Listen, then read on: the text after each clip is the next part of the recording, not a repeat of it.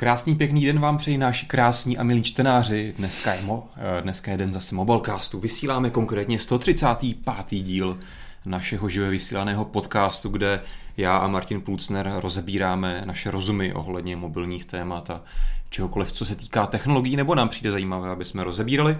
No a jako vždy i součástí vysílání budete samozřejmě vy, naši diváci, kteří nás sledují živě na YouTube, protože se tam můžete dělit o vaše názory a posílat tam dotazy přímo do živého vysílání, které pokud budou stát za to, tak se k nám dostanou sem a budeme se jimi zabývat. No ale vás určitě zajímá, o čem to dneska bude. Z titulku určitě vyplývá, že se budeme zabývat Applem, protože ten měl svoji konferenci WWDC, neboli 2TV, 2TVDC, neboli pěkně celosvětová vývářská konference, mm-hmm. což může možná znít, jako že by to byla taková otevřená konference pro vývoj všeho. Opak je pravdou, je to samozřejmě čistě Apple záležitost. No ale aby jsme to neměli úplně nevyvážené, nemluvili celou hodinu jenom o Apple a nebečili si u toho pro sebe, tak eh, se podíváme v rychlosti na nějaké spekulace kolem Google. A máme tam na závěr, aby jsme tam měli i toho třetího, tak máme tady Skype od Microsoftu, mm-hmm. který dělá různé brikule se Skypem a na závěr vlastně ještě máme opět obnovená rubrika Martin se dívá na věci. Ty mm-hmm. jsi mhm. byl na CESu v, v Číně, mm-hmm. takže tam určitě se dalo koukat na pár zajímavostí, které nám napoví zase, co se třeba bude dít, nebo se alespoň děje třeba v Ázii. Pár věcí tam bylo. Super. Tak jo, pustíme se do toho. Apple, naše oblíbené téma. Mm-hmm. Velké téma. Většina těch novinek, které tady byly zmiňované, tak jsou, některé jsou hardwareové, těch se dočkáme brzo. To Některé mě... jsou softwarové, těch se dočkáme samozřejmě na podzim, až později. Mě upřímně překvapilo, až, jako, až kolik moc hardwareových novinek vlastně na WWDC představili, protože hodně často v posledních letech bylo hlavně samozřejmě o těch nových systémech, protože to je vývářská konference. Hmm.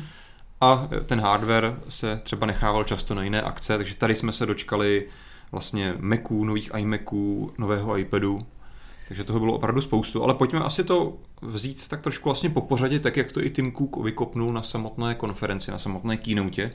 Eh, tvOS update, velice stručná věc, eh, přibude tam aplikace Amazon Prime, Což věc, je fajn. věc, která už všude jinde byla, takže super, už je i na TV, eh, na Apple TV. A vzhledem k tomu, že Amazon Prime funguje i u nás, tak to může být celkem zajímavé i pro našince. Určitě tak. Dále jsme se dočkali oznámení Watch OS 4, to znamená WatchOS. další verze, další verze WatchOS. Ano.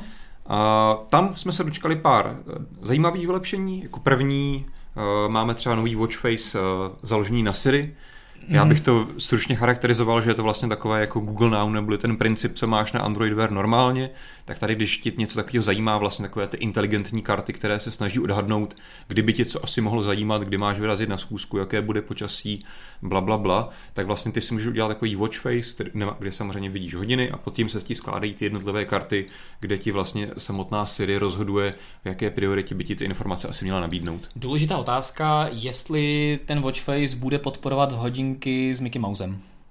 To právě ne. Které to... jsou naprosto klíčovou součástí Apple Watch a bez nich by Apple Watch nebyly Apple Watch. To bohužel ne. Pokud jsi fanoušek hmm. Mickey Mouse, tak vlastně jedna z největších vůbec novinek, kterou tam Apple představil na celé konferenci, bylo právě tři nové watch faces z dalších Disney, Disney postaviček. Výborně, takže tam tak máš to je super. další tři postavičky z Toy Story, které nevím, jak se jmenují, ale jsou tam. Z Toy Story. Mhm. Raketák vás. Jo, něco takového. Takže to tam je, ale když chceš mít vlastně tady ten Siri Watch Face, tak bohužel Mickey Mouse se ti tam už nevejde, protože vlastně tak polovinu displeje ti zabírá ta první karta a nahoře máš samozřejmě čas. Jasně. A máš tam nutnou ikonku Siri, takovou tu, takový mm. ten Blivice různě barevný. To si určitě uživatelé uh, Apple zařízení potěšil, že říkáš ikonce z iOS uh, Siri tak, to, ale jako co to je, tak víš, jak ta ikonka vypadá, ne? Takový, tak, jako, že prolí, ameba. prolíná se tak, no. Jakože nějaká fialová, růžová a zlepšili trošičku Workout App, to znamená hlavní aplikace na měření fitness aktivity, měla by mít trošičku zase jednodušší rozhraní, což se určitě bude hodit. Mm-hmm. Co je určitě pěkná, pěkná vychytávka, tak je vlastně, že Apple se více integruje s dalšími zařízeními, protože samozřejmě jedním z největších témat Apple Watch je to fitness a to zdraví obecně a nyní vlastně bude, budou Apple Watch moci v reálném čase komunikovat s různými dalšími fitness přístroje, ať už to jsou běžecké pásy, cokoliv vlastně, které ti měří něco, co ty hodinky třeba neumí měřit. Hmm. Takže vlastně ty teďka budeš moci dívat na displej těch hodinek a v reálném čase snímat ty informace z toho propojeného zařízení. Pokud toto propojené zařízení umí. Tak uh, Apple se samozřejmě chlubil, jak hrozně moc značek to bude podporovat. Jasně, takže za pár let možná se nějaký chytrý běžící pás dostane i k nám. On tam říkal, myslím, že nějaké procento, která já si teďka nepamatuju, že prostě v Americe ve fitness centrech nějaké procento těch strojů už tady to podporuje. Nevím, mm. jak, kolik to přesně bylo, ale nějaká penetrace už tady asi jsme, existuje. To jsme asi pozadu dost i v tomto. To asi u nás to bude horší trošku. Co je taky fajn třeba pro výváře a výsledku potom i pro uživatele, zase otevře, otevírají nová API pro Bluetooth a další spousty věcí, takže zase ty hodinky budou moci dělat více věcí ve spojení s dalšími, s dalšími periferiemi, hmm. s dalšími příslušenstvími. Hmm. Ale jakoby nějaké opravdu zásadní funkce, Nic, změna, samozřejmě změna tohle prostředí takové... a tak podobně ne. Víceméně jsme se dočkali velké změny prostředí vlastně v WatchOS 2 mm-hmm. a od té doby máme víceméně to prostředí stejné, akorát s malými evolucemi a tady vlastně do prostředí se nezasahovalo takřka vůbec a spíš se vylepšovaly jednotlivé ty aplikace. Vypadá, že zatím ne, jak jsem říkal, můžeš tam dát vlastně volitelně ten watch face, který Jasně, no. ti z toho udělá tak trošičku, přiblíží se konceptu Android Wearu, hmm. ale když nechceš, tak tam máš zase libovolný jiný, jiný, že, jiný watch faces, který jsou takový klasický. Hmm. Co samozřejmě Apple nezapomněl zmínit, že jsou stále logicky nejprodávanější chytré hodinky, tak jak si nikdo nic jiného nečekal, protože Android Wear víceméně mi přijde za poslední rok úplně umřel. No, je, je pravda, že já jsem na to dost eh, se zaměřoval na tom CESu a hmm. přišlo mi, že spíš ti velcí výrobci spíš tak nějak vyčkávají, přešlapují na místě a čekali hodně na tu druhou verzi, na, na, na dvojku. Hmm a spíš se do Android Wearu hodně pouští výrobci uh, hodinek nebo módy, kteří předtím žádné chytré hodinky neměli a teďka představují své hodinky z Android Wear, takže v podstatě za posledních tři nebo čtyři měsíce jsme se dočkali na mobilnetu několika článků o tom, že nějaká hmm. módní značka nebo značka hodinek připravuje uh, hodinky s, s Android Wearem. Jo, ale... ale rozhodně to nebude nic, co by mělo zdaleka takovou adopci jako Apple Watch. To určitě ne, i vzhledem k výrazně vyšší ceně. A ty klasičtí no, výrobci... když se porovnáš s Apple Watch Edition. Dobře, ale těch asi eh, takových taky moc asi nebude. No, tak ty mají vystavený v těch Apple Store. Tak, tak. No, ale je pravda, že standardní výrobci těch Android Wear hodinek zas tak moc eh, nemají a nepřipravují, hmm. takže je to taková, taková přešlapování na místě, jo. bych řekl. No každopádně, jak jsi říkal sám, výrazných inovací jsme se ve Watch OS, OS 4 zatím nedočkali. Hmm. Samozřejmě je možné, že tak, jak si vlastně na začátku zmiňoval, vlastně všechny tady ty softwarové, softwarové novinky, které budeme dneska probírat, tak budou aktuální pro běžné spotřebitele právě až na podzim, kdy se dostanou do finálních verzí. Teď jsou to vlastně pouze developer edice, aby na nich mohli výváři začít testovat nové věci. Takže je možné, že se třeba nějakých dalších věcí dočkáme. Ale hmm většinou se, že jo, všichni tady ty výrobci ty největší chuťovky nechají už na to první uvedení, takže asi bych tady něco velkého nečekal. Každopádně k no. Eh, hodinkám tady máme ještě dotaz od Allmobile. Jestli si myslíme, že někdy budou mít Apple Watch v budoucnu kruhový tvar? To je otázka. Mm. Na kterou neznáme odpověď. Tak. Ale co si myslím, tak eh, spíš to vypadá, že zatím asi ne, mm. protože veškeré aplikace a všechno jsou striktně dělané na uh, hranatý displej a kulatým věcem tam moc věcí nenapovídá. Já jsem upřímně zvědavý, když trochu přeskočíme téma, vlastně už jste o tom minulý týden bavili se s Vojtou hodně o spekulacích kolem iPhone 8, že jo? Teďka vlastně máme jedno téma, že zase unikla taková už docela pěkná fotka toho displeje, opravdu se tam znovu potvrzuje takové to vykousnutí hmm. ze zhora toho displeje což pokud opravdu k tomu dojde, tak to si myslím, že bude vyžadovat určitou změnu designu aplikací a i toho systému, oh. což také budeme rozebírat u, u iOS 11. OK, dostaneme se k tomu. Já, a... totiž ne, já si to totiž nemyslím, takže... Dobře, super. takže se o tom můžeme pobavit. A takže potom jakoby se nabízí nějaká paralela, asi jakoby by k tomu někdy Apple mohl dojít, že by výrazně prostě musel změnit ty nějaké restrikce, jak se má pracovat s obsahem na Watch OS No já bych Ale byl jenom v nejbližší rád. době si taky nemyslím, že se to nech, nechystá. Já bych byl jenom rád. Já jak jsem několikrát říkal, že mě se designově Apple Watch moc hmm. nelíbí. A určitě bych byl rád, kdyby byly ať už elegantnější hranaté, nebo ještě ideálně kulaté, hmm. aby připomínaly více jako hodinky. Určitě jo. Dobře, další novinka softwarová byla další update macOS, to znamená počítačové verze jejich systému. nebyli moc in, in, inventivní tedy s názvem, takže se to jmenuje místo Sierra High Sierra. A potom Sierra. bude High Sierra? Nevím, jestli A mají... even Higher Sierra. Jestli takový hory existují, tak, tak možná jo. Tam vlastně jsme se až na pár drobností zase něčeho výrazného nedočkali. Apple ještě více omezuje Safari, takže se nebude, třeba ti zakážou přehrávání automatické videí na stránkách, takže když máš takové, takové ty pěkné designové stránky, kde máš vlastně v pozadí takové to moodové video, mm-hmm. tak to tam asi možná nepůjde. Mm-hmm. Vypadá to, že Apple v základu vlastně zapne Do Not Trace, to znamená, nebudeš moc vlastně mezi doménami sledovat cookies a tak dále, s čímž tak trošičku bojuje proti Google že jo, a jeho doménám, teda proti reklamám. Ale pro uživatele, pokud to chtějí, tak proč ne? A máme tady drobné updaty v aplikacích pro mail, fotky a tak dále. Co mě třeba zaujalo, jsem nevěděl, že to stále ještě vlastně byl problém, že ty pokud vlastně eh, si v té aplikaci si strávil ten čas, že si pooznačoval ty lidi, mm-hmm. že ono samozřejmě jakoby face recognition to mělo, mohl si k tomu přiřadit jména, tak to jakoby podle toho, co Apple říkal, protože já nejsem Mac uživatel, takže to nevím úplně z první ruky, ale vypadá, že teďka bude novinkou toho, že se ti ty označení lidé budou moci synchronizovat v tvé galerii i do ostatních zařízení. Aha. Takže to by mi je... přišlo taková samozřejmost, ale Ono obecně, Apple teďka, když se u toho budeme točit hodně u iOS, vlastně začíná některé ty věci přicházet na to, že prostě potřeba je synchronizovat a ne se vším si prostě vystačí, že budeš mít bezpečně pouze v tom zařízení a hmm. nikam jinam se nedostanou. Samozřejmě Apple vždycky u toho dbá na tu bezpečnost, to třeba rozebereme ještě u iOS více, ale tady prostě se takovýhle progres děje, budeme nový výchozí file systém, Apple file systém, to mi přišlo celkem zajímavé. No. Jakoby on to demonstroval na tom velkém videosouboru, který hmm. duplikoval a dokonce to bylo desetkrát rychlejší, tak. takže samozřejmě. Ale co mi přišlo, proč ne? Co mi přišlo asi nejzajímavější z celého Macu, alespoň mě osobně, byla podpora VR, hmm. do které se Apple pustil docela s vervou. Uh, jak má on vlastně svůj takový ten layer metal pro ty grafické výpočty, tak bude mít Metal for VR. Hmm. Uh, co je zajímavé, tak vlastně ohlásil podporu pro SteamVR od Valve a zároveň i bude podporovat přímo VR engine od Unity a Unreal, tak. což je super. A co se mi líbí nejvíc? Je podpora samozřejmě HTC Vive, tak. s čím souvisí právě i ten Steam. Že? Přesně tak, takže to je, to je super, protože častokrát eh, třeba designéři, vývojáři a tak podobně ve studiích mají, mají Macy mm-hmm a rádi by si třeba nějakou hru eh, VR zahráli na Vive, která je stále nejlepší virtuální realitou. Je to tak. A nyní nebudou mít uh, nutnost si kupovat nějakou Windows 10 mašinu a budou tam konečně to moc pařit i na No na druhou stranu, aby, si, aby si i ty Macoví designéři a vývojáři mohli něco zapařit na Macu, tak si myslím, že budou si muset koupit nové Macy. No to případně, případně jako právě představené iMacy. Tam to celé směřuje aby právě vůbec zvládali ten výpočetní výkon.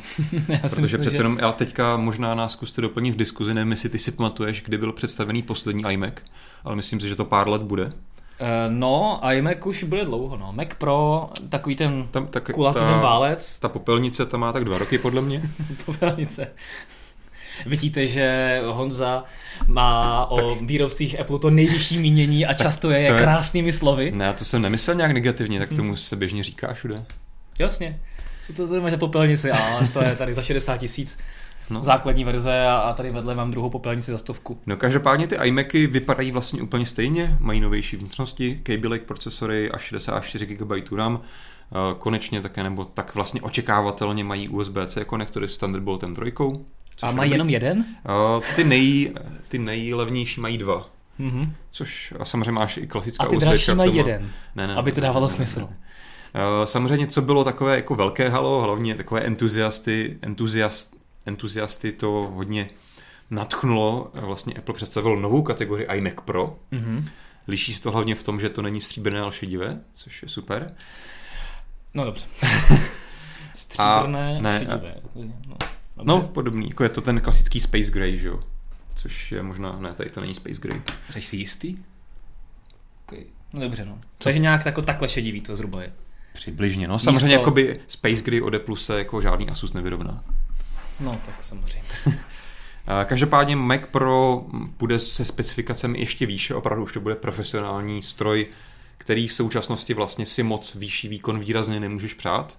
Mm-hmm. A vlastně v tom displeji, v tom all-in-one budeš mít klidně až 18 jádrový Xeon, nebo vlastně ještě doteď neohlášenou grafiku od Radeonu, od AMDčka, 128 GB RAM, 4 Thunderbolty. To, to je teda velkoryse. No, ale startovací cena bude 5000 dolarů, ale to je za mnohem uh, nižší variantu, než jsem teďka říkal, to je mm-hmm. nějaký 8 jádrový procesor, mm-hmm. mnohem méně ramky a ta nejvyšší cena za tuhle konfiguraci nejvyšší zatím radši řečená ani nebyla. Uh, to Kdyby se... jsi vybral, jestli chceš jako hůře vybavené auto, anebo, uh, no, nebo nový iMac. Tak nějak. Tak, okay. A vlastně, když o tom mluvíš, tak to je hodně zajímavý point, který se rozebíral, protože ono samozřejmě jo, to bude to super Mac, má to pěkný displej, všechno v sobě, vypadá to dobře, výkon bude kompromisní, ale když si přece kupuješ takovouhle hodně výkonnou workstation, tak právě čekáš, že když do toho investuješ ty obrovské peníze, tak tam budeš mít nějakou vlastně upgradeovatelnost toho zařízení, že prostě až za dva roky ta grafická karta, která tam je, nebude stačit na to stříhání videa, nebo třeba nevím, modelování virtuální reality nebude stačit, tak si koupíš novou, mm-hmm. což samozřejmě nic z toho iMac nepodporuje. Tuším, že tam snad ani ramky tam nepřidáš. Ale tak nepotřebuješ. No, tak uh, to je no. právě tak trošku jako v rozporu s cílovkou, že tohohle zařízení. Tak ale to je zase na druhou stranu úplně běžné, jakože ne, jako na druhou, na, jako doteď, doteď, vlastně měl a stále má Apple, že Mac Pro, právě poslední ta instance je ta popelnice, ano. která je do určité míry upgradeovatelná, není tak upgradeovatelná jako ty staré klasické prostě Tower, tower, Jasně, tower ale jako mluvím o klasických all-in-onech, notebookcích a tak podobně, iMacy, Jo, ale to je právě trošku jiná cílovka, opravdu tady existují že lidé, kteří jsou schopní dát pět a více tisíc dolarů za profesionální zařízení a tam právě většinou už ty lidé jsou zvyklí na to, že jim to vydrží třeba 6 let, protože si tam prostě časem koupí více ramky, více lepší grafiku a tak dále. A nebo se nechají přesvědčit, že za dva roky budou potřebovat ještě nový. No tak protože to, to samozřejmě mít, Apple doufá. Protože nebude mít Space Gray, ale bude třeba Rose Gold. Hmm. A mít iMac v Rose Gold na stole, myslím si, že je velké lákadlo. Každopádně iMac Pro se dostane na trh až někdy ke konci roku, tuším. A v té době bychom se měli dočkat i vlastně oznámení nového Macu Pro, takže nástupce té toho oválného počítače, to abych tomu říkal popelnice. High popelnice. Jako High Sierra, tak to jo. bude High popelnice. A taky mě zaujala nová klávesnice a myš, mm-hmm. ze které... Která je taky Space Gray. Je otázka, jestli budou stejně úžasně neergonomické jako teďka. No, oni jsou stejné, jenom no. vlastně, no. co, je, co je zajímavé, tak konečně máš i klávesnici od Apple s numerickou klávesnicí hmm, opět. To je podle mě docela jako základ, vychytávka velká. No a ta myš mi přišla stejná, akorát i v šedivé barvě. Takže pořád stále... z toho bude, budeš mít těžký karpální no, tunel. Ale tak Jasně. jako dělaj, jako ty gesta na tom je super nápad, jo, že mít eh, myš, na který můžeš dělat jako gesta, jo, jako jo. na touchpadu je dobrý, ale ta ergonomie je ergonomie, no. Kdyby ta myš byla dvakrát větší a pořád mi tu ruku podepřela a no. opravdu by s ní mohl pracovat celý Třeba bys tak... vlastně mohl i potom nabíjet a zároveň používat, že, jo? že by ano. tam bylo místo na konektor, tak. který je stále tady Lightning. Mm. Já jsem tak trošku doufal, že se Apple někdy odhodlá a switchne tady ty zařízení na USB-C, jelikož ty počítače USB-C mají. Je to, je to zvláštní, no. A na druhou stranu prostě pořád tady máme tu, tu schizofrenii mezi iOS zařízeními, hmm. které pořád mají Lightning a těmi Mac počítači, které už používají USB-C. A uvidíme, jestli se to na podzim zlomí. Ale pokud se teda nepletu, tak i nový iPad Pro, který byl teďka, mm-hmm, má, má, lightning. má Lightning, takže to nenasvědčuje tomu, že by se něco mělo měnit. Vypadá to, že ne, no. Což je hrozná škoda a kor u těch iPadů mě to hodně zaráží. No ale zase u toho iPadu, jako jak by si nabíjel Apple Pen, že jo? Takhle si ho zapíchneš do toho iPadu a můžeš si ho krásně ulomit. Redukcí. To je pravda. To by ti vlastně zase ani nehrozilo to ulomení třeba. No, redukcí, kterou si můžeš koupit za 15 korun. Já si myslím, že by se to dalo vyřešit úplně v pohodě. No, vidíš, vlastně by na tom ještě víc vydělali. Já tohle to nechápu. Každopádně, mluvili jsme o nových MacBookcích také. No. A tam teda, ano, ty si říkal, že tě překvapilo, kolik hardwareových novinek na WWDC jsme měli. No. Na druhou stranu, pokud by otálel uh, Apple s uvedením Kaby Lakeu uh, u svých nových MacBooků Pro, za což byl kritizován už v době, kdy to představil, že tam nebyly už tehdy dostupné nové procesory, které konkurence už dávno zvládala. Já jsem nebo dá, ne dávno, ale, ale už byly notebooky na trhu, nebo se chystali na trh hmm. s tím Kaby Lakem kdyby to představil opět až v září nebo v říjnu, tak to si myslím, že by byla příliš dlouhá doba a v podstatě jsme se dočkali hodně uh, novinek pouze u procesorů, u, u spousty těch já MacBooků. jsem, já jsem ty MacBooky vlastně ani do tohohle nepočítal, do toho, když jsem měl ten pocit z toho množství hardwareu, Mhm. mm-hmm. takže tohle jasně souhlasím s tebou, to byl nutný update, vlastně myslím si, že Apple tomu až zas tak moc pozornosti ani nevěnoval, hlavně třeba, co mě tam opravdu přišla velká kuriozita, že vlastně updateoval stále MacBook Air, Mhm. což je opravdu prostě myslím, že se mnou musí souhlasit i ty nejzapřísáhlejší Appleisti a pravověrci, že prostě Ne, to Air už je hodně let po nutném updateu, hlavně teda co se týče displeje. Ale teď je A- Space Gray? Ne, vlastně není Space To Gray, to je, není, ta, no. to je ta uh, původní šedá, že jo? No to je taková to stříbrná, že jo? No, no. no. takže jako tam mi to fakt přijde jako procesor Cable Lake super, ale dát do toho proce- uh, display takhle hnusnej a s takhle malým rozlišením, to mně fakt přijde jako už trochu rouhačství. To bych jako radši prostě teďka ten Air, pokud dokud nemám nový Air nástupce, tak bych ho radši jako nechal spát a třeba jestli by ho na podzim představili novej, což doufám, že s tím někdy přijdou, protože samozřejmě Air sám o sobě je pořád jeden z nejúspěšnějších notebooků a dává velký smysl pro ty běžné uživatele, že jo? Já jsem se nad tím zamýšlel, proč k tomuhle kroku přistoupil, protože na té poslední tiskové konferenci docela jasně bylo vidět, že Air už u Apple končí, nebo už s ním dál nepočítá a že ho vlastně nahrazuje ten základní MacBook Pro bez toho touchbaru, který je sice výrazně Hmm. dražší, ale tak to bylo prezentováno, že oproti Airu je prostě tenčí, menší, výkonnější By tak teďka podobně. ho zlevnili, ten nejzákladnější model, Tak. tu třináctku. A já si myslím, že tady je to trochu i reakce na ten stav, který se potom vlastně na tu, na tu reakci, že v podstatě nemáme žádný podobný levný nebo relativně levný hmm. uh, MacBook, protože samozřejmě i Air i přes tu jako tristní výbavu stojí 30 tisíc nejhorší výbava. Tak teď, a teď kromě display až zase tak tristní výbavu nemá, No tak Ale- ano, ale ten displej je docela zásadní. je no. A přece jenom už je to docela i na dnešní poměry docela tlustý Je, no. a velký notebook zbytečně. Takže eh, možná si opravdu Apple řekl, OK, eh, je vidět, že ta poptávka po tom Airu je, že by nám možná nevypadaly ta čísla v Hmm. prodejnosti počítačů tak dobře, tak tam zkusme ještě nechat ten úplně základní, nejlevnější, který si nebude konkurovat s tím eh, MacBookem Pro ani s tím eh, MacBookem, které jsou oba dražší. Hmm. A kdo opravdu chce Mac a nechce za to dávat víc, víc peněz, tak eh, si bude moct pořád koupit ten Air. A možná proto tam dali ten nový procesor, aby aspoň tam Hmm. byl ten, ten nový výkon a byl o něco výdrž, lepší výdrž Já- na baterku. Já doufám, že si tím jenom kupují čas a že opravdu v brzké době přijdou opravdu s novým Airem. Já si, já si nemyslím. No. Já, jako z toho, co, co jsem pochopil, tak nástupce Airu by měl být MacBook Pro a ono v podstatě nedávalo bys, nebo možná, a pak, pak tam máš ještě MacBook, Hmm. který má 12-palcový displej a je krásně tenký.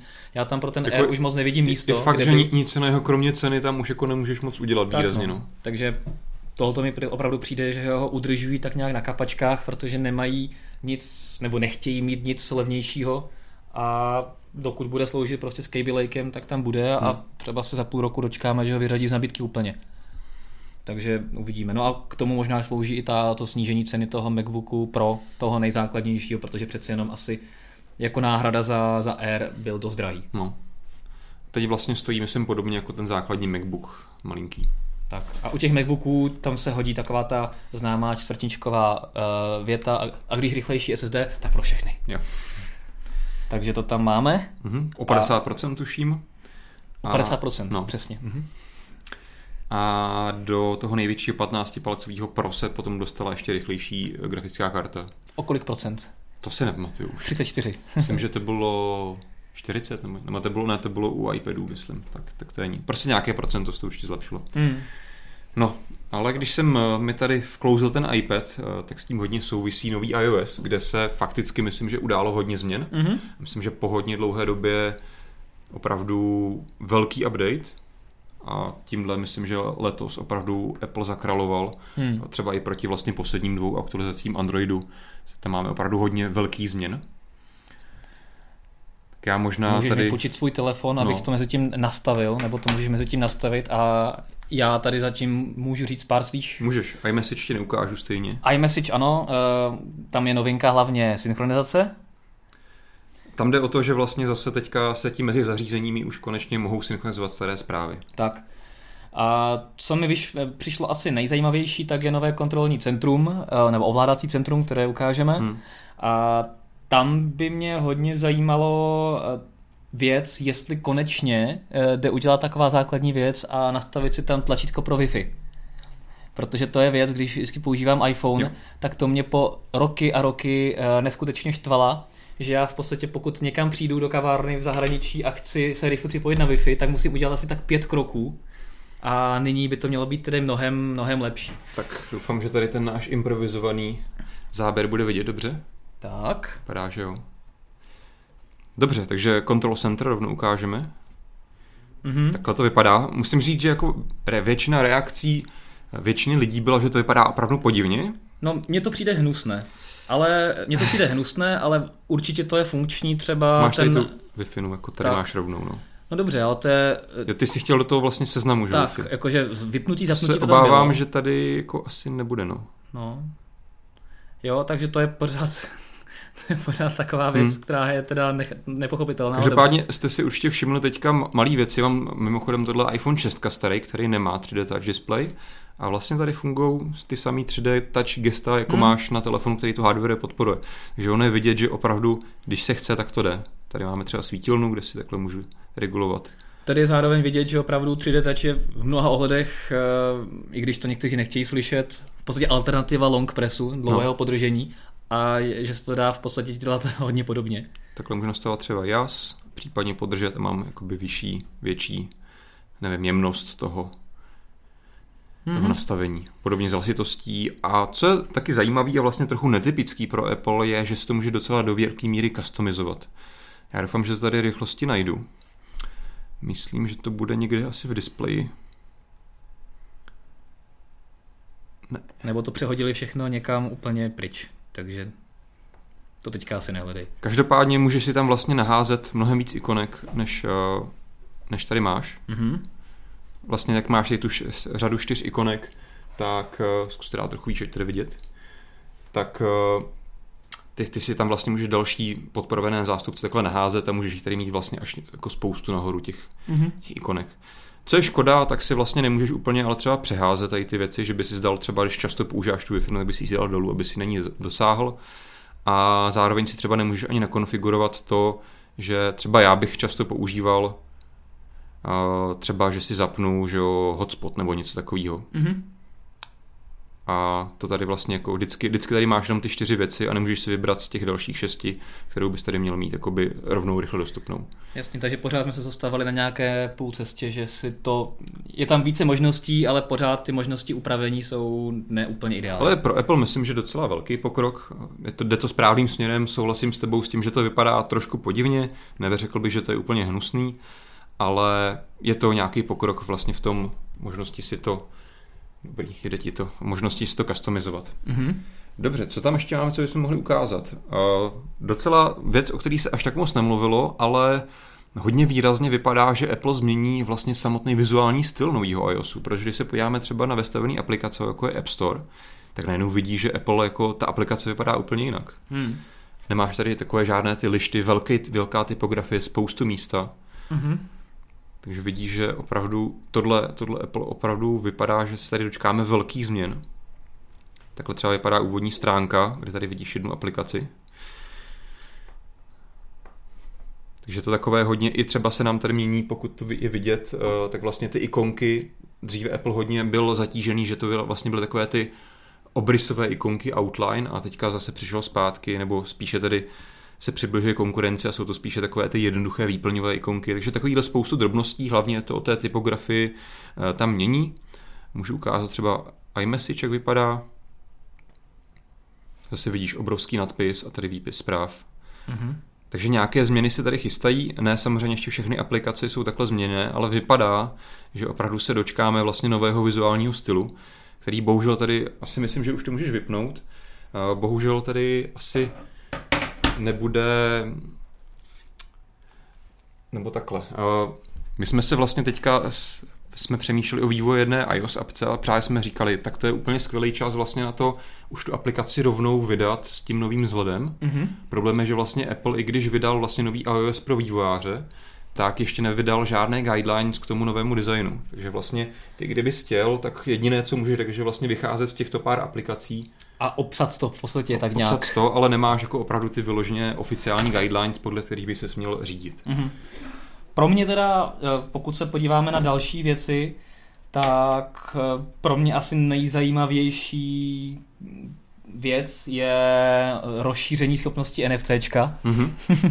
na kterou jsme čekali u uh, iOS nebo iPhone opravdu hodně dlouho. A asi, asi všichni víte, že NFC v iPhonech už nějakou dobu je, ale je dedikované pouze pro platby skrze Apple Pay a Vším, pro nic jiného. Od 6S, myslím? Uh, no, tak zhruba, asi. A teďka konečně už se dá používat i pro párování se zařízeními, což je věc, kterou určitě spousta z vás eh, využije, nebo aspoň já, já využívám prostě třeba pro sluchátka, všechny Sony sluchátka to mají a, a třeba Bank Olufsen, uh, různé repráčky hmm. a tak. Je to, je to prostě pohodlná věc jo. a dost mě udivovalo, že takovou základní věc jakoby Apple blokoval, když tam to NFC má. No samozřejmě máš spoustu párovacích use caseů, kdy to je tak trošku zbytečné, protože spáruješ jednou a potom jenom stačí vlastně, když to zapneš, to zařízení a spáruje se ti rovnou. Ale třeba co je často jako výhoda NFC, je, že třeba když máš ten Bluetooth repráček, tak on je vypnutý, k němu jenom přijdeš, přiložíš telefon a on se tím automaticky ten repráček zapne a spáruje se ti. Taky. Což zase bez toho bys musel řešit to, že zapínáš repráček a zapínáš Bluetooth na telefon, tak. pokud si ho náhodou vypínáš. Podobně případně, pokud používáš více zařízení, třeba jedny sluchátka používáš z více telefony, nebo naopak, že jo, máš uh, více sluchátek hmm. k jednomu telefonu, tak zase je to, to v tomhle tom jako dost přímočarejší. Hmm. Takže rozhodně NFC není nic nepostradatelného, ale to příjemné vylepšení, které konečně Apple tady začíná využívat tak, jak by mohl už hodně dlouho. A taky umí číst tagy. To znamená, že by mohly fungovat konečně třeba NFC vizitky. Hmm. Uh, což byla u, u lidí, kteří používali iPhony, tak to byla jedna samozřejmě z největších nevýhod, proč nechtěli NFC vizitky, protože jejich iPhony neuměli číst NFC vizitky. Mně se hlavně Teď možná? líbí reakce uživatelů iPhoneu, kteří se jako hrozně diví, že vlastně to iPhone nic takového nemá, že ty za nimi přijdeš, hele, tady je takováhle super technologie, a tak nějak jako samozřejmě ty běžní uživatelé Apple to mají zakódované, no tak samozřejmě, když je to super technologie, tak to mám taky, že jo. A nikdo nechápal, jako, že to vlastně iPhone neumí. Tak to se mi přesně teďka stalo, když jsem platil telefonem uh, přes NFCčko hmm. a eh, číšník se mě ptal, jaká, jaká to má banka, já jsem říkal, že to mám skrz komerční banku a ona, a to je super, tak to si musím taky instalovat do iPhoneu. Já, no tak to si nenainstalujete, protože váš iPhone to neumí. A taky na mě koukal úplně, hmm. jak z pravdu. Tak zrovna ty platby iPhone už dělá nějakou dobu, ale jenom skrze Apple Pay. Který takže, u nás není, takže, to máš smůlu. takže to máš smůlu. Každopádně to by mě právě zajímalo vzhledem k otevření toho NFCčka, jestli se otevřela zároveň cesta i k plativním aplikacím to třetí stran. Eh, nevím o tom ne? podrobnosti, ale dost výrazně bych o tom pochyboval, znajíc Apple. Tak, takže jsme se zastavili někde na půl cesty, ale aspoň to čtení tagů je velký pokrok. Jo. Já myslím, že pro většinu lidí bude zajímavý to párování. Čtení tagů je pořád takový niše, ale samozřejmě dá se teďka s tím, že pokud opravdu iPhony začnou podporovat, tak si myslím, že se i vlastně může více nastartovat tady nějaký ten, eh, nevím, ten trh nebo ekosystém tady těch různých věcí založených mm-hmm. na tezích, kdy můžete zase spoustu věcí automatizovat. Tak a víme, že Apple obecně má tuto sílu a pokud nějakou technologii implementuje do, do svého ekosystému, tak eh, se ty návazné věci většinou dějí mm-hmm. výrazně rychleji než bez něj. Máme tady nějaké, máme tady nějaké ještě dotazy nebo eh, doplňky k MacBookům mm-hmm. a to je třeba tady doplnění od eh, Kikan.cz, že, který říká, že MacBook Pro je levnější jenom proto, že mu v základu dali menší SSD, takže se cena v podstatě nezměnila. Takže na to šel Apple hmm. lišácky po svém, tak jak bychom to čekali. Takže děkujeme za doplnění a my jdeme dál. Dobře, asi probereme ještě další novinky v iOS, protože jich není, nejsou to pouze tyto. Mm-hmm. Opět se vylepšuje zase Siri. Apple hodně mluvil, vlastně taky se konečně začíná datahovat, tak jak vlastně ostatní firmy už se v tom snaží angažovat několik let věci kolem AI, umělé inteligence, machine learning, neuronových sítí a tak dále a tak dále tak konečně se v tomhle začíná angažovat i Apple. Myslím, že mu v tom jako trochu ujel vlak a uvědomuje si to. Mm-hmm. Ale trošku je pořád v tomhle vlastně omezený, že on má tu filozofii opačnou, protože většina ostatních konkurentů prostě pracuje s tím, že přece jenom na tu na, to, na ten machine learning a tady ty věci potřebuješ hodně specializované výpočty, hodně velký výkon a často vlastně i jako jiný procesor, než máš běžně ve svém počítači nebo telefonu. A proto vlastně se je ten koncept vždycky postavený tak, že ty pošleš ty data do cloudu a tam se oni chroustají a pak dostaneš výsledek. Apple prostě v tomhle tam pořád jede tu, tu cestu takové té para, paranoičnosti a hodně dbá na to soukromí, to znamená všechny ty data by měly zůstat pokud možno pouze v tom zařízení, takže on se tady ty principy bude snažit dělat pouze místně v tom samotném iPhoneu, hmm. což je otázka, jak moc efektivně rychle to bude, ale samozřejmě on tam se kasal spousty čísly, jak to bude super rychlé, hlavně díky jejich A procesorům. O 20% rychlejší než, než v případě Google Now třeba. Takže třeba, když se vrátím zpátky k té Siri, tak právě to, co třeba máš na Google Now, že on ti právě jak se vyhodnocuje díky tomu, co o tebe všechno Google ví, tak ti dává docela, myslím, že často vhodné a jakoby pomocné pomocné typy a věci kontextové, tak něco podobného se bude dělat, snažit ještě lépe Siri, ale bude zase pouze vycházet z těch dat, které máš v telefonu. Hmm. A bude vlastně, co je ale taková novinka, konečně, že vlastně ty data, které o tebe třeba vyhodnotí Siri na iPhoneu, tak ti potom šifrovaně bude synchronizovat třeba i do iPadu, když ho máš. Takže v tom je alespoň jako pokrok, že už fajn. to nebude uzavřené pouze na tom jednom zařízení a ten iPad se to o tobě nebude muset ty tvé zvyky učit znova, ale bude se to sdílet.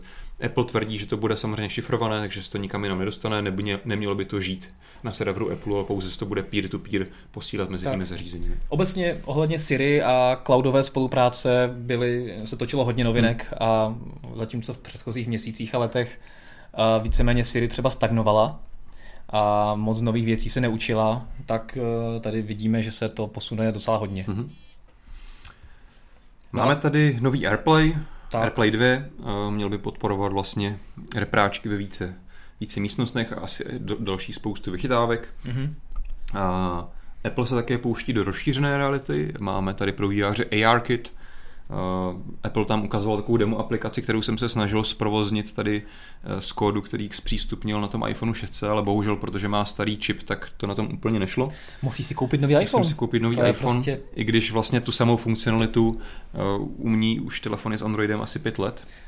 No ale to nezní iPhone. No, každopádně asi, asi jako víš, dokážeš představit, o co, o co jde. Ta demo aplikace byla o tom, že si spustil foťák, vybral si, že tady na tom místě na stole bude prostě hrníček s kávou mm-hmm. a když se potom hýbal, tak tam byl na tom místě. Mm-hmm. Takže to je samozřejmě pouze demo, teď na vývojářích, co tady s tou technologií udělají. To ale... má třeba hodně let eh, třeba Sony ve svém no, foťáku. proto jsem to říkal, no, no. no. A úplně na to jako nepotřebuješ eh, nejnovější čipy od Apple, ale tak to prostě mají vymyšlené. Víš co, v jablečném světě to je trošku jinak. Máme v iOS dalších jako malých změn, třeba jsem si všiml, říkají tomu markup, když uděláš screenshot, tak automaticky vlastně si ho můžeš rovnou vyvolat z takové schránky dole a máš rovnou k tomu aplikaci na dělání poznámek v tom kreslení, vyřezávání, rychlé sdílení. Mm-hmm. Takže, Takže něco, co tak nějak se u Samsungu osvědčilo po posledních několik let, tak... Že to už máš teďka vestavené i v iOS. Mm-hmm. To je náhodou ale užitečná jo, věc. mně se to taky líbí. Já to používám dost často, takže to je super.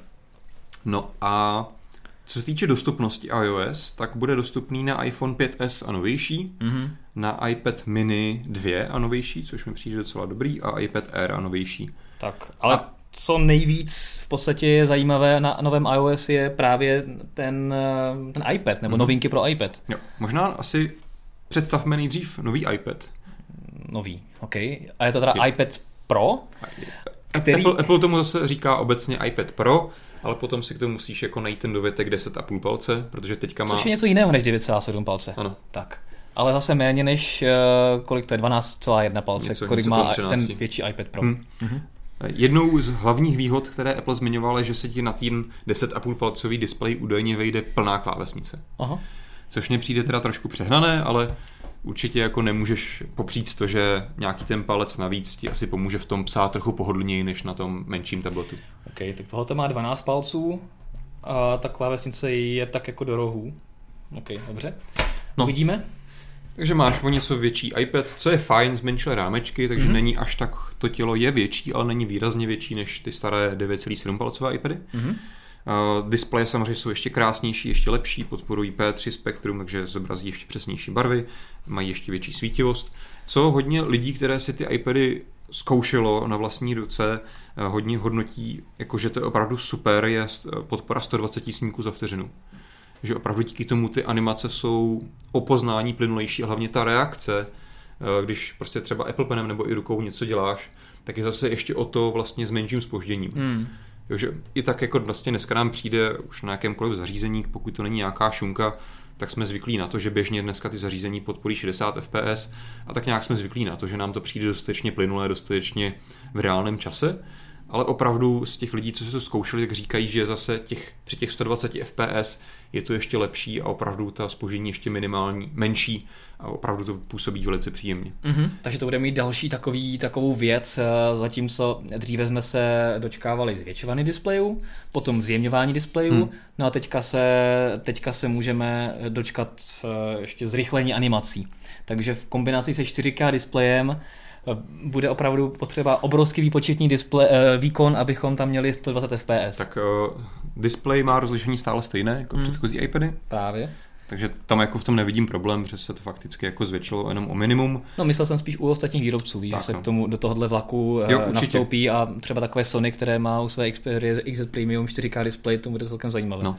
Ono samozřejmě ti na těch 120 fps to neběží stále nonstop, hmm. protože by to byl obrovský žrout spotřeby, ale vlastně Apple si dokáže v reálném čase vyhodnocovat, kdy to je potřeba. Takže když se koukáš na, na statickou stránku, tak to prostě běží na nějaké minimu. Mm-hmm. Ale když potom potřebuješ dělat nějaké animace, někam si posouváš na jinou stránku, tak se v tu chvíli zase to přepne na těch 120 fps nebo až 120 fps. Takže v no. tomhle by to mělo fungovat docela pěkně. Celé je to právě poháněné super duper procesorem A10X Fusion, který Ty je o? Už je, jo, o 30% rychlejší procesor hmm. než A9X a o 40% myslím, že rychlejší grafická část. A je stokrát rychlejší než první iPad. To minimálně víckrát ještě. Konkrétně tam 6 jader procesorových rovná z graf, uh, jader grafických. 10 hodinová výdrž, to je víceméně klasická. A co mě zaujaly, no. tak mě zaujaly dvě věci. Jak jsi mluvil o té baterce nebo o té výdrži, tak uh, mě zaujalo, že konečně implementovali podporu jako velmi rychlého nabíjení. To sice říkali, ale já jsem zrovna třeba koukal na recenzi od MKBHD a ten tam tomu vytýkal, že to rychlé nabíjení nemá. Tak by mě zajímalo, v čem je problém, jestli to rychlé nabíjení není až tak rychlé v praxi, anebo jestli on měl nějakou nekompatibilní nabíječku. Je to možné, každopádně Apple to deklaruje, že by eh, to nabíjení mělo být rychlejší. Hmm. Eh, je pravda, že iPady se nabíjely opravdu hodně rychle v porovnání s, s jinými tablety které mají, eh, které třeba podporují to rychle nabíjení od, od Qualcommu a, hmm. a, a tak podobně. Takže doufejme, že to skutečně tak bude. A co je zajímavé, je, že bychom se konečně měli dočkat toho, že e, máme tady tablet, který fotí špičkově, protože to má e, foťák z iPhone 7. Hmm, je to tak.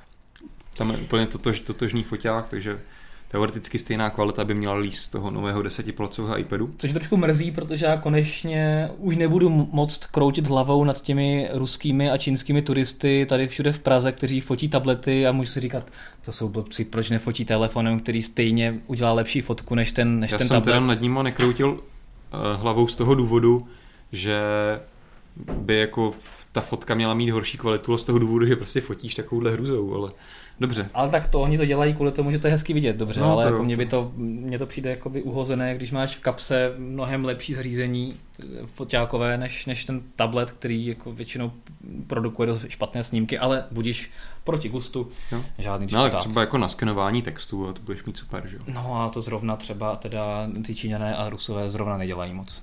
No ale když budeš normální člověk a budeš ho používat k práci, tak se ti to bude hodit. Mm-hmm. Ale samozřejmě je to, je to trochu overkill, na druhou stranu prostě když to Apple může udělat, tak proč by to neudělal? No? To konec, je pravda. Konec konců si to zaplatíš, ta neúplně nejlevnější varianta stojí 20 000 korun v Česku uh, se 64 GB, gigabajtama. A pouze Wi-Fi.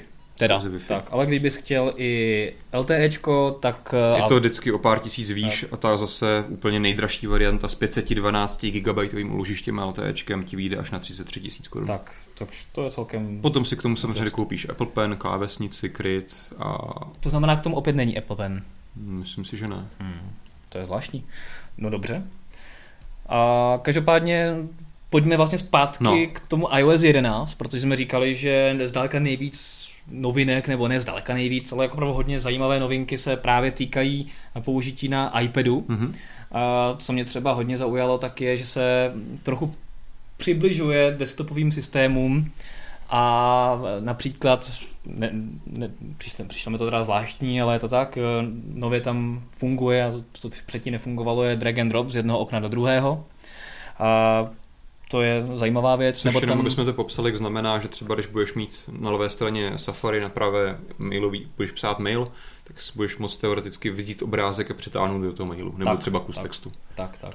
Což je užitečná věc a je škoda, že to dotuď, dosud eh, iPady neuměli, ale na podzim se dočkáme. Je to tam? Eh, co se týče dalších věcí, tak je vidět, že opravdu se zaměřuje na multitasking, hmm. lepší produktivitu, čím dál tím víc lidí nahrazuje eh, iPady své MacBooky, na, minimálně třeba na, ano, ano, to je možná to správné slovo, že se snaží a předstírají, že, ta, že tam udělají stejnou práci, takže prostě na, na cestování si berou jenom hmm. iPad s nějakou tou šílenou klávesnicí krytem a to všechno je třikrát větší, než kdyby si vzali MacBook.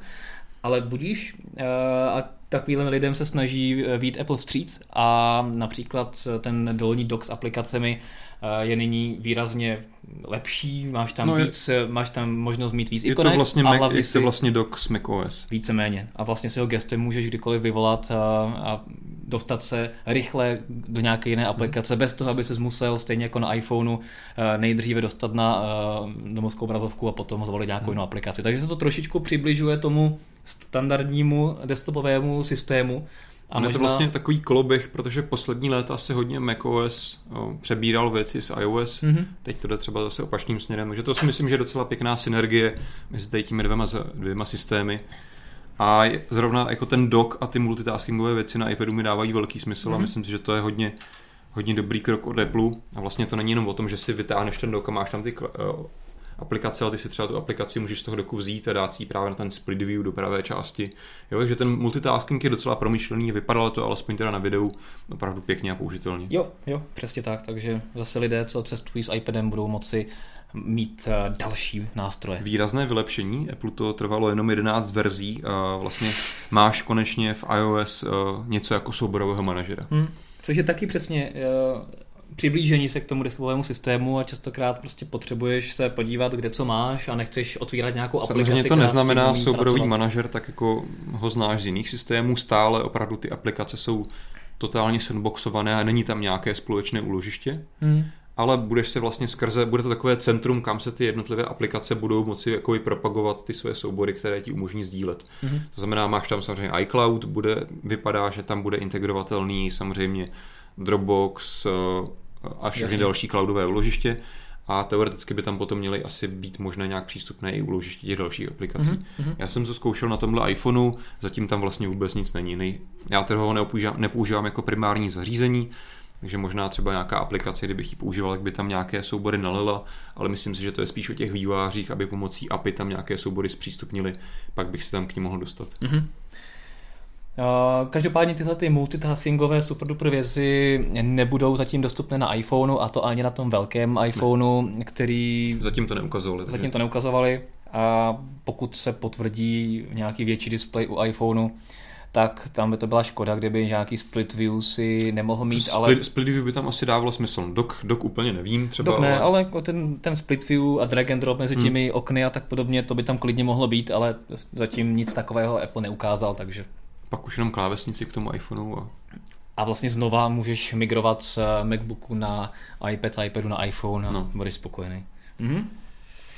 Dobře, napadá ti ještě něco k iOS? Eh, Co vychválit? K iOS asi ne.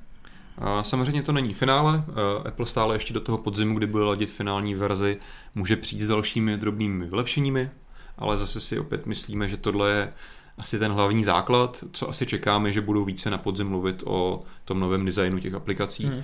Což vlastně tak trochu souvisí s tím, jak už jsem na začátku říkal, zase máme ty další úniky toho iPhoneu s tím vykousnutým displejem a já si právě myslím, že možná, aspoň takový mi tak trochu jako dává smysl, když se na to podíváš, já to zkusím ukázat, tak eh, tady opravdu máš spoustu volného místa nahoře v té horní části, nevím, jestli to bude vidět na té kameře. To asi, to tak, asi ne, to bychom případně mohli použít zase uh, kameru. To zase, než bychom tam přepli, tak myslím že, myslím, že to lidi uvidí. Prostě v té horní části najednou tam máš ve většině aplikací takhle spoustu volného místa. Hmm. A vlastně jediné, co by ti tady vlastně teďka jako se zrušilo, je ten čas, který tady uprostřed. No. Ten asi prostě dají nikam jinam. Jo? Takže to by mi tak trošku jako dávalo smysl, proč dělat jako nový update, že tady prostě ztratíš 50 pixelů nahoře, abys tam mohl dát ten vykousnutý displej a mohl hmm. říct, že jsi lepší než Samsung. Každopádně, jako já si myslím právě, že ten, to vykousnutí že nebude potřeba v podstatě předělávat aplikace, pokud hmm. by vývojáři nechtěli a to vykousnutí právě bude uh, využitelné nebo využité právě pro uh, ikonky, uh, baterky, signálu a dalších věcí. Že myslíš, že by to skutečné prostředí začínalo až níž? Přesně tak, že vlastně hmm. to skutečné prostředí by to začínalo přesně tam, kde by skončilo to useknutí, tím pádem všechny ty aplikace by byly klasicky obdélníkové hmm. a vlastně to, co ti teďka zabírá místo v horní části toho displeje, různé ty indikátory, že tam máš tu Wi-Fi, eh, ten čas, hmm. nabití baterky a tak podobně, tak by byly v těch rozích, tam, kde to useknutí právě je. Samozřejmě mimo, uh, mimo aplikace, třeba u zamknuté obrazovky a tak podobně, tam by to bylo vidět hmm. celé, tak aby to opravdu Apple krásně zpropagovalo, ale jinak by mi dávalo právě smysl, že by to vykousnutí bylo takhle využité, protože jinak by to samozřejmě znamenalo spoustu problémů i pro tak. současné aplikace, které by vždycky vršek neměli, No nebo to vidět. udělají právě tak, že, což vlastně už se v minulosti dělo, že když vlastně Apple přecházel z těch displejů, které nebyly tak širokouhle, jestli to byly, už to byly čtyřkové iPhony, hmm. že jo, a pak si přišly pětkové iPhony, které byly stejně široké, ale byly vyšší a vlastně aplikace staré, které byly přepsané, byly jenom prostřed. takhle malé a tak. měl si tam černé pruhy. Hmm. Že tohle by vlastně dávalo smysl, že by to mohlo být podobný přístup, jo? že ty staré aplikace bys prostě měl takhle uprostřed a záleží zase, jaký bude poměr stran toho displeje, ale se bych se dalo čekat, že dole i nahoře budeš mít prostě prázdný pruh, kam ta aplikace zasahovat nebude. Ale pokud uh, potom už napíšeš třeba tu aplikaci novou s tím novým prostředím, tak potom by si klidně myslím, že i se zase dalo uvažovat o tom, že by si opravdu roztáhla až nahoru i za toho vykousnutí. Mm-hmm. Ale to je samozřejmě velká spekulace, to se musím nechat překvapit. Každopádně XAPP, čtenář hmm. teda s nekem XAPP píš, píše, že máme prý pravdu, no. proto podle něj Apple změnil ukazatel signálu. To jsem si ani nevšiml. Protože tady nemáš simku. To je pravda. Mám tady no sim. No, takže tam na tom asi neměl se měnit, ale, ale možná proto to právě změnil. Dobře. Takže jsme to vlastně, eh, jsme na to vlastně přišli. No. Tak a teďka už vlastně víme, jak bude iPhone 8 vypadat. Takže už to nemusíte sledovat ani na podzim. V podstatě. Dobře, uh, máme tady ale ještě jednu hardwareovou novinku, mm-hmm. aby jsme opravdu toho nebylo málo. Apple zase opět, eh, když to řeknu takhle jako trochu negativně, tak zase do toho je konkurenci, přichází na ten trh domácích asistentů. Ty, ty ten Apple nemáš rád, já to nějak já cítím, nějak jako v kostech. Je to takové nevyřčené, ale... Se vždycky každý ráno probudím, víš, co říkám, Ježíš, ten Apple zase, no to, je, to je hrozný. Pořád tady existuje, musím ho někde pomluvit pořádně. Hmm, tak no, máš teďka šanci. Tak každopádně, to. HomePod, konkurent eh, Amazon Echo, Google, Google Home, nebo jak se to jmenuje, ta krabička a všech dalších jiných repráčků. Vlastně Microsoft ve spolupráci s dalšími výrobci něco chystá se svojí Siri. Už jsem právě myslel, že zapomeneš na Cortánu a, a reproduktory s ní. Takže... Velký hráč, no. no, no. Každopádně HomePod vypadá podle mě docela pěkně. Myslím, že se Apple, Apple podařilo udělat zajímavý design. Mm-hmm. Není to nějak extra jako ojedinělé, ale ten tvar je takový zajímavý, je to celé textilní. A primární je, jako je to, v tom je to, se to trošku vlastně liší od těch asistentů, protože třeba něco jako Amazon Echo je primárně vlastně hlavně ten hlasový asistent a může si s ní i poslouchat hudbu, ale samozřejmě musí čekat nějaké kompromisy v kvalitě toho zvuku. Apple ten práček, pokud vím, hraje trochu lépe. No a u Apple je první a hlavně takový ten primární fokus je právě ta kvalita reprodukce hudby. Máš tam sedm reproduktorů rozmístěných na každou stranu a uprostřed jeden velký subwoofer. Hmm. Takže opravdu výkon a kvalita by měla být údajně docela dobrá. Navíc tam máš i vlastně pole šesti mikrofonů, které ti kromě toho, že samozřejmě poslouchají, aby z toho mohl ovládat skrze, skrze Siri, tak vlastně oni ti dělají i to něco podobné, jako třeba dělá Sonos a podobně, že ti vlastně pomocí echo naskenuje profil místnosti a podle toho ti upraví vlastně zvukový profil, tak aby to znělo co nejlépe na tom místě, kde máš ten práček položený. Mm-hmm. Že tohle jsou pěkné vychytávky, které otázka je, jak v praxi moc je poznáš, ale minimálně v teorii myslím, že Apple uh, se zaměřil na docela dobrou věc. Samozřejmě pro našince to nebude zase tak podstatné, ale pro zahraniční bude samozřejmě hmm. hodně zajímavá integrace Siri, kvůli které je hodně ten reproduktor samozřejmě vyráběný a proto je to konkurence i pro hmm. právě Amazon Echo, Google Home a případně Cortánu. Jo. Apple moc zatím výrazně nemluvil o nějakých větších možnostech právě na to propojení Siri. Asi můžeme čekat, že to bude mít obdobnou, obdobnou podporu jako máš Siri třeba v telefonu. Hmm. A co je samozřejmě síla Apple, bude to napojené na HomeKit, takže pokud máš domácí chytrou, doma, chytrou domácnost a zařízení, které podporí HomeKit, tak tohle vlastně bude takový jejich hub, to znamená, že ty třeba, nevím, máš několik termostatů, žaluzí, žárovek, které jsou přes Wi-Fi napojené na ten HomePod a ty vlastně na dálku budeš moci skrze LTE poslat tomu HomePodu, hele, zapni topení tady jedna a dva. Což jako předtím si musel mít nějaký jiný hub, který ti to centralizoval. Jo. A vzhledem k tomu, že HomeKit je hodně silná věc hmm. a spoustu výrobců právě představilo eh, prvky do chytré domácnosti právě, eh, které spolupracují pouze s Applem, eh, pouze s tím protokolem HomeKit, tak si myslím, že to může být celkem zajímavé centrum ovládání. Takže pokud to bude fungovat, tak to bude super. Každopádně, na to se budeme muset ještě docela počkat. No, stát by měl 350 dolarů, ale až v prosinci je pouze hmm. v Americe, Velké Británii a Austrálii.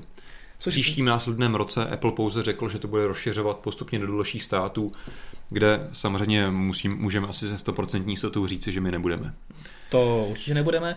Každopádně tady mě to zaprávě zaujalo, že u Apple není zvykem, že by představoval hardwareový výrobek tak moc dlouho dopředu, v podstatě skoro no vlastně půl roku dopředu. Občas takové ty pro věci, jako třeba právě ten Mac Pro a takovéhle věci, občas představil hodně s předstihem, právě aby řekl, těm svým jako věrným zákazníkům, který už mají ten přesluhující hardware, aby ještě ten půl rok počkali, nepřešli na Windows. A u toho HomePadu to zase takový velký smysl nedává, protože to je jako těžká spotřebka. Na druhou stranu to vlastně může být o tom, že když už to všichni mají, tak hmm. Apple si říkal, že asi nebude chtít čekat až na podzim, aby ukázal, že on i něco má. Hmm. A ukázal to už teďka dopředu, no. i když to vlastně nemá ještě hotové. Jako díky tomu opět se vracím k tomu, že opravdu tahle konference WWDC opravdu povedená, byl tam spoustu novinek a díky, to je vlastně jedna, jedna z, z klíčových prvků tohohle je HomePod, takže hmm. opravdu asi se Apple rozhodl, OK, pojďme dneska všem vytřít zrak a představíme toho, co nejvíc, co můžeme. A vytřel. Jo? Vytřel si ostatními prostě úplně tak. Pozadí. Pozadí. Jo, já myslím, že jo. High Sierra. No, ale dneska to není jenom o Apple, ale je to i o Google, hmm. Eh, který projedeme asi trochu rychleji. Okay. Taková vlastně úplně jednohubka. Proslechlo se, že Google najal nového, nebo bývalého hardwareového architekta Apple, mm-hmm. konkrétně se jmenuje Manu Gulati. Sorry, jestli říkám špatně to jméno, posloucháš nás Manu. Každopádně on strávil 8 let vývoje právě na chipsetech, na čipech, to znamená těch a něco procesorech, mm-hmm. které najdeme v iPhonech a iPadech, které opravdu musíme říct, že jsou, co se týče poměru vlastně té efektivity a výkonu opravdu špičkové, špičkové kusí křemíku. Mm-hmm. A tento člověk by tedy údajně měl být nyní najatý Googlem a samozřejmě se začalo spe- spekulovat, tak opravdu Google teda začne vyrábět ty vlastní procesory, protože už nějaká vlna spekulací podobného rázu proběhla někdy přibližně před rokem, kdy se myslím, že unikly nějaké inzeráty, kdy právě Google scháněl inženýry na podobné pozice. Uh, ale samozřejmě nic víc o tom nevíme. Teďka je otázka opravdu, jestli Apple, teda Google půjde do toho, že bude vyvíjet nějakého konkurenta pro Qualcomm, protože Qualcomm teďka používá ve svých telefonech, a nebo jestli to ve výsledku bude něco jiného, protože fakticky třeba teďka, když se vrátíme pár týdnů zpátky na I.O., tak tam i Google třeba představil tak trošku stranou kus svého hardwareu, byly to vlastně výpočetní jednotky právě pro machine learning. Což nevím, jaká je přesná specializace tady toho člověka, ale dokázal bych si představit, že prostě jediný čip, jediný čip nebo procesor jako není pouze do telefonu. Google prostě hmm. může navrhovat spoustu jiných čipů, ale právě něco pro tu umělou inteligenci. Hmm. Takže tohle si nutně nemyslím, že musí znamenat, tak jak spekuluje spoustu stránek, že prostě Google teďka pracuje na novém chipsetu. Ale jako na druhou stranu, proč ne, byla by to další konkurence pro Qualcomm, protože fakticky máme tady Apple, který si hraje pouze na svém písečku, máme tady Qualcomm, který je ten high-end, máme tady Mediatek, který prostě pořád v tom high-endu nemůže Qualcommu konkurovat. A myslím, že kdyby se někomu podařilo přijít s dalším jakoby opravdu výrazným konkurentem, který bude dostupný nejenom pro sebe, tak jak to dělá Samsung nebo Huawei, a byl by případně licencovatelný i v dalších zařízení, tak by to jenom tomu trhu prospělo. Jasně, no ale já si to osobně teda úplně nemyslím, protože vzhledem k strategii Google, která hmm. je spíš o tom spolupracovat s těmi partnery a neházet eh, vidle do nějaké spolupráce, se podíváme i vlastně na pixely, které vždycky vyrábí ve spolupráci s nějakým hardwareovým partnerem, tak udělat něco takového, že by eh, na truc eh, vlastně, jak si říkal, Qualcommu a dalším hráčům vyvinul vlastní procesor, který by rval do jakýchkoliv dalších zařízení, myslím si, že by to ne- nedávalo úplně smysl. Taky, taky se přikláním k týmu názoru, je to podle mě méně pravděpodobné, ale musíme to zvážit jako možnost a proto jsem vlastně zmiňoval, že i to nemusí být tak, jak se na spoustě míst spekuluje, ale může ten člověk být využít na výrobu úplně jiných čipů třeba. Tak. Allmobile nám tady ještě říká eh, a doplňuje, že Google si už dávno navrhuje a možná i vyrábí vlastní čipy, které zajišťují šifrování a zabezpečení, hmm. jeho serveru. Samozřejmě, jako ale... Google jedním z velkých klíčů jeho úspěchu, o kterých se nemluví, je to, že on má opravdu a sám si ví velice efektivní ten serverový hardware. Tak, ale to je samozřejmě úplně jiná cílovka, než o které se tady bavíme v případě uh, i toho pana, co hmm. se jmenuje Manu, protože nevím, jak bych ho měl skloňovat v případě Mana. Pan Manu. v případě Manu. Dobře, další, další spekulace, eh, vlastně už se tak trochu těšíme na podzim na nové pixely a mm, mluvilo se o tom, že... V tomto případě se asi ty úplně netěšíš, protože tam... Mně to je tak nějak celkem jedno, ale uh, mluvilo se doteď o tom, že teoreticky by mohly být i tři pixely. Nástupce toho nejmenšího pixelu, nástupce Pixelu XL a potom by mohlo být ještě něco většího. Mm-hmm. Lidi hlavně vycházeli i třeba z těch kódových označení, které vždycky u Google nosili nebo seděli a vlastně jsou to vždycky názvy ryb a vlastně i velikové poměrově velikosti těch ryb odpovídaly velikosti těch zařízení. Mm-hmm. Takže teďka jako víme ze zdrojového kódu Androidu, že nás čeká eh, Android nebo zařízení Pixel, které má kódové označení Volaj, Tamien a Masky. Mm-hmm. No a právě Tamien je právě obrovská ryba údajně, já nevím, která ryba to je. Mm-hmm. Takže proto se spekuluje, že bude nějaký ještě větší, ještě větší pixel než jenom XL, který měl být právě ten maský. Mm-hmm. No a teď vypadá zase podle uh, třeba Android Police se opravdu tváří, že tomu jakoby hodně věří a že si myslí, že tohle je opravdu hodně solidní spekulace, že by to tak mělo dopadnout. A vypadá, že opravdu ten maský, to znamená to klasické XL, by nakonec nemělo existovat. Takže podle, pokud je to pravda, tak budeme mít uh, nějaký pixel kolem pěti palců a potom něco opravdu obrovského. A myslíš si, že to nedopadne tak, že právě vzhledem k tomu, že všichni dělají větší a větší displeje, takže se ten normální pixel posune velikostně displejem na úroveň původního XL já spíš a tím douf... pádem tam potom bude muset být ještě něco mnohem většího. Já spíš tam doufám v to, že Google snad naskočí na ten trend uh, malých rámečků.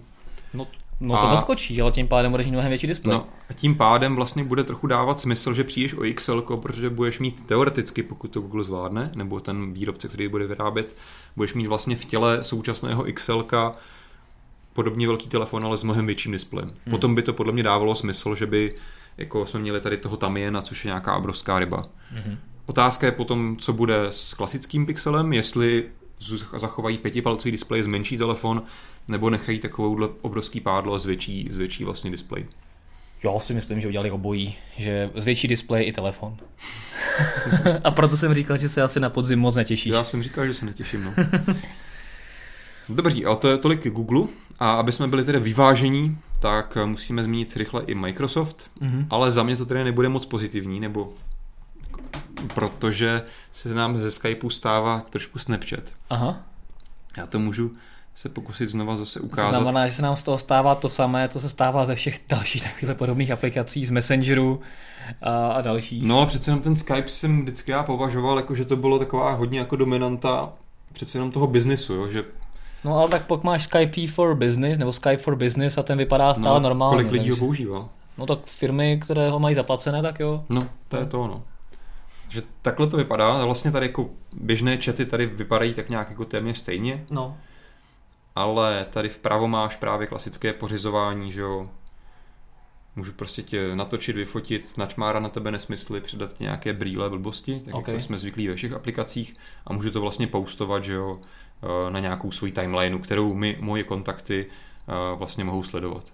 Mm-hmm. Tady je nějaké video, video od Skypeu, co to asi umí. To je hrozně hezké, no. Jo, takže tak nějak jako trošku vlastně se ti z toho já jsem prostě Skype, ten běžný Skype doteď považoval jaký ten standard pro to volání právě v, hlavně jako v těch firmách, jako málo, málo která firma prostě, že jo, si zase jako dneska yeah. bude platit za to, že si bude platit placený Skype, když máš nekonečně alternativ. Takže tohle mi jakoby z tohohle pohledu úplně nedává smysl, no, že opravdu z toho běžného Skypeu dělají takovouhle věc pro teenagery hmm? a zbytek, nevím, jestli doufají, že lidi za to budou platit, já si úplně nemyslím. Já si myslím, že prostě lidi přijedou na něco jiného. Tak ono, když nechceš tyhle ty věci používat, tak nemusíš. Ono, jako no, to volání a, to, a chat tam je. Ale je to podobný jako v tom Messengeru, taky jako nemusíš, ale když jako zavadíš omylem rukou, tak hned ti tam jako skáčou jiné věci, které nechceš. Jo? No, to zas, jako je, je to určitě je to velká změna, ale zase pokud uh, chceš používat ty standardní funkce jako seznam chatů hmm. a volání, tak tam do nějakých takových nadstandardních uh, foťákových věcí se moc nedostaneš, takže to je prostě je tak a tady mě pěkně můžeš jasně super takže teďka tady máme takovou uh, hodinu kreslení a malování jo. a můžeš to přidat do prvního svého ty můžu někomu poslat, anebo to asi dám jakoby veřejně všem. No zatímco nám tady Honza uh, zkoumá, jak vlastně funguje nový Skype a Snapchat, který teda je v této verzi zatím na mobilní telefony. Na Androidu. A tablety na Androidu, přesně tak. Na další platformy dorazí později v této krásné uh, fresh verzi. Tak ty si chtěl ještě ode mě nějaké zajímavé trendy z CES Asia. No. A co mě tam zaujalo, tak jsou uh, ohebné displeje, mm-hmm. které vypadá, že jsme trošku zase pokročili k tomu nějakému reálnému použití jejich uh, a opravdu i na místě uh, bylo vidět několik firm, které prezentovaly ohebné displeje, které se skutečně ohýbaly mm-hmm. a nějak se nedeformovaly, nepraskaly, což je docela velký pokrok oproti tomu, co jsme viděli v praxi třeba před rokem dvěma uh, ale pořád no, čekáme no. na nějaké reálné použití. Že potřeba pořád říct, že vlastně se jakoby byli v dost jakoby takovém chráněném režimu, ohýbali se pořád jednou směr, jedním směrem, tak, že, tak. že to nebylo jako nic, že by si to mohl vzít do ruky a to, si to. To rozhodně ne, ale ohledně tohohle jsem hodně skeptický, kdy se k tomu dostaneme, ale aspoň ten základní use case, kdy si budeš moci vzít nějaký velký náramek a omotat si to kolem ruky, hmm. uh, přesně takovýhle use case by tam mohl být. Takže to je jedna věc. Druhá věc, eh, spoustu elektrických autonomních aut, hmm. což je zajímavé hlavně pro F-Drive.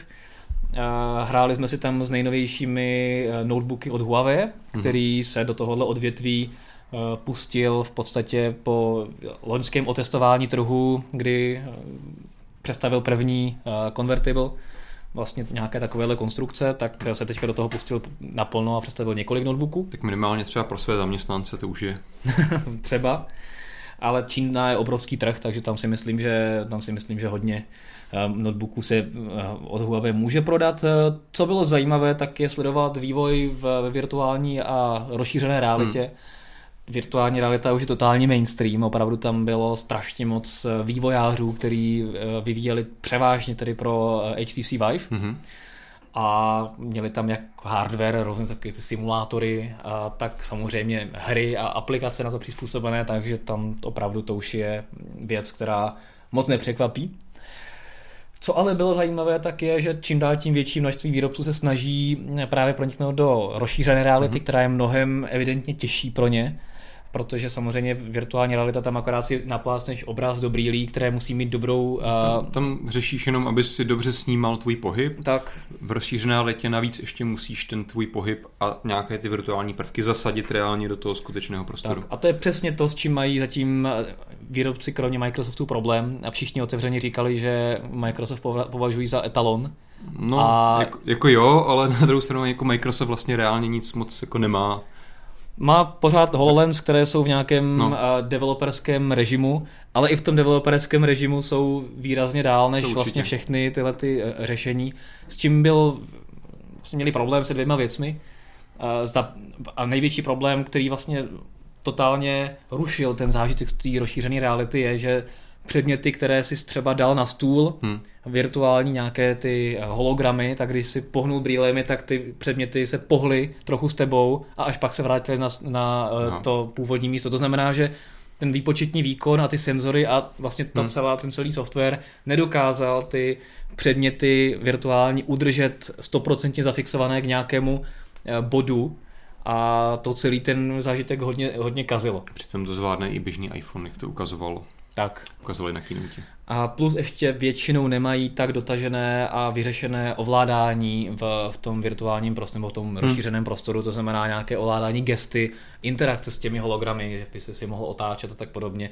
To všechno zatím ještě musí hodně dohánět.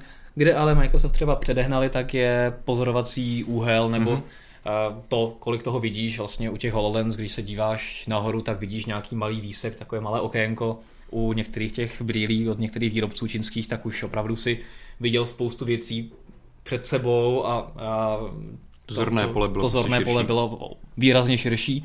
Na druhou stranu samozřejmě problém byl s uh, tou kvalitou. Mhm. Takže to byl CES. Dobře. Já možná ještě jednu věc nakonec si nechám, protože my jsme vlastně s tím prodili už minule, ale máme ty naše trička a teďka v tuhle chvíli, pokud nás sledujete živě, tak zbírá, zbírá posledních pár hodin do konce té kampaně. Ano. Že máte poslední šanci si svoje mobilnetí nádherné a unikátní tričku objednat. Uh, Spoustu lidí si stěžovalo, že to je hrozně drahý, upřímně ono to o moc levněji nejde, když jich neděláš hodně kusů. Tak a hlavně je to sítotisk, není to žádné levné nalepování nějakého loga, ale je to opravdu kvalitní, Že hezké ve neděláme to kvůli tomu, abychom na tom vydělali, fakticky na tom moc nevyděláme nebo téměř nic. Je to hlavně kvůli tomu, aby my jsme mohli mít nějaká trička a i vy jste mohli mít nějaká trička, protože my jsme kdysi měli stará trička se starým logem a hodně hodně, od hodně čtenářů jsme slyšeli feedback, že by je také chtěla, teď tohle je právě ten krok, jak si můžete pořídit. Takže pokud náhodou ještě nemáte objednané, máte posledních pár hodinek to učinit. Tak, no teď. a tím bych uh, dnešní Mobilecast prohlásil za uzavřený. Ano. Než nás vypnete, samozřejmě musíte nás sledovat na všech sociálních sítích, tak jako vždycky, odběr na YouTube, bla, bla, bla. A... No, odběr na YouTube je hodně důležitý, protože se blížíme právě 100 tisícové hranici, takže A myslíš, že, nás, že jako ty lidi, kteří nás sledují živě, že nás myslí, že nemají v odběru, tam asi jako moc velký úspěch. Ale můžu nás doporučit svým kamarádům, protože fakt. už nám zbývá pouze 2120 odběratelů. Doporučte náš své babičce a... Tak, i když se na nás nikdy nepodívá, tak tento číslíčko bude a o to jde, že jo. Dobře. Tak. Nebudeme to natahovat a uvidíme se zase u příštího dílu našeho úžasného mobilecastu. Mějte se hezky. Čau. Ahoj.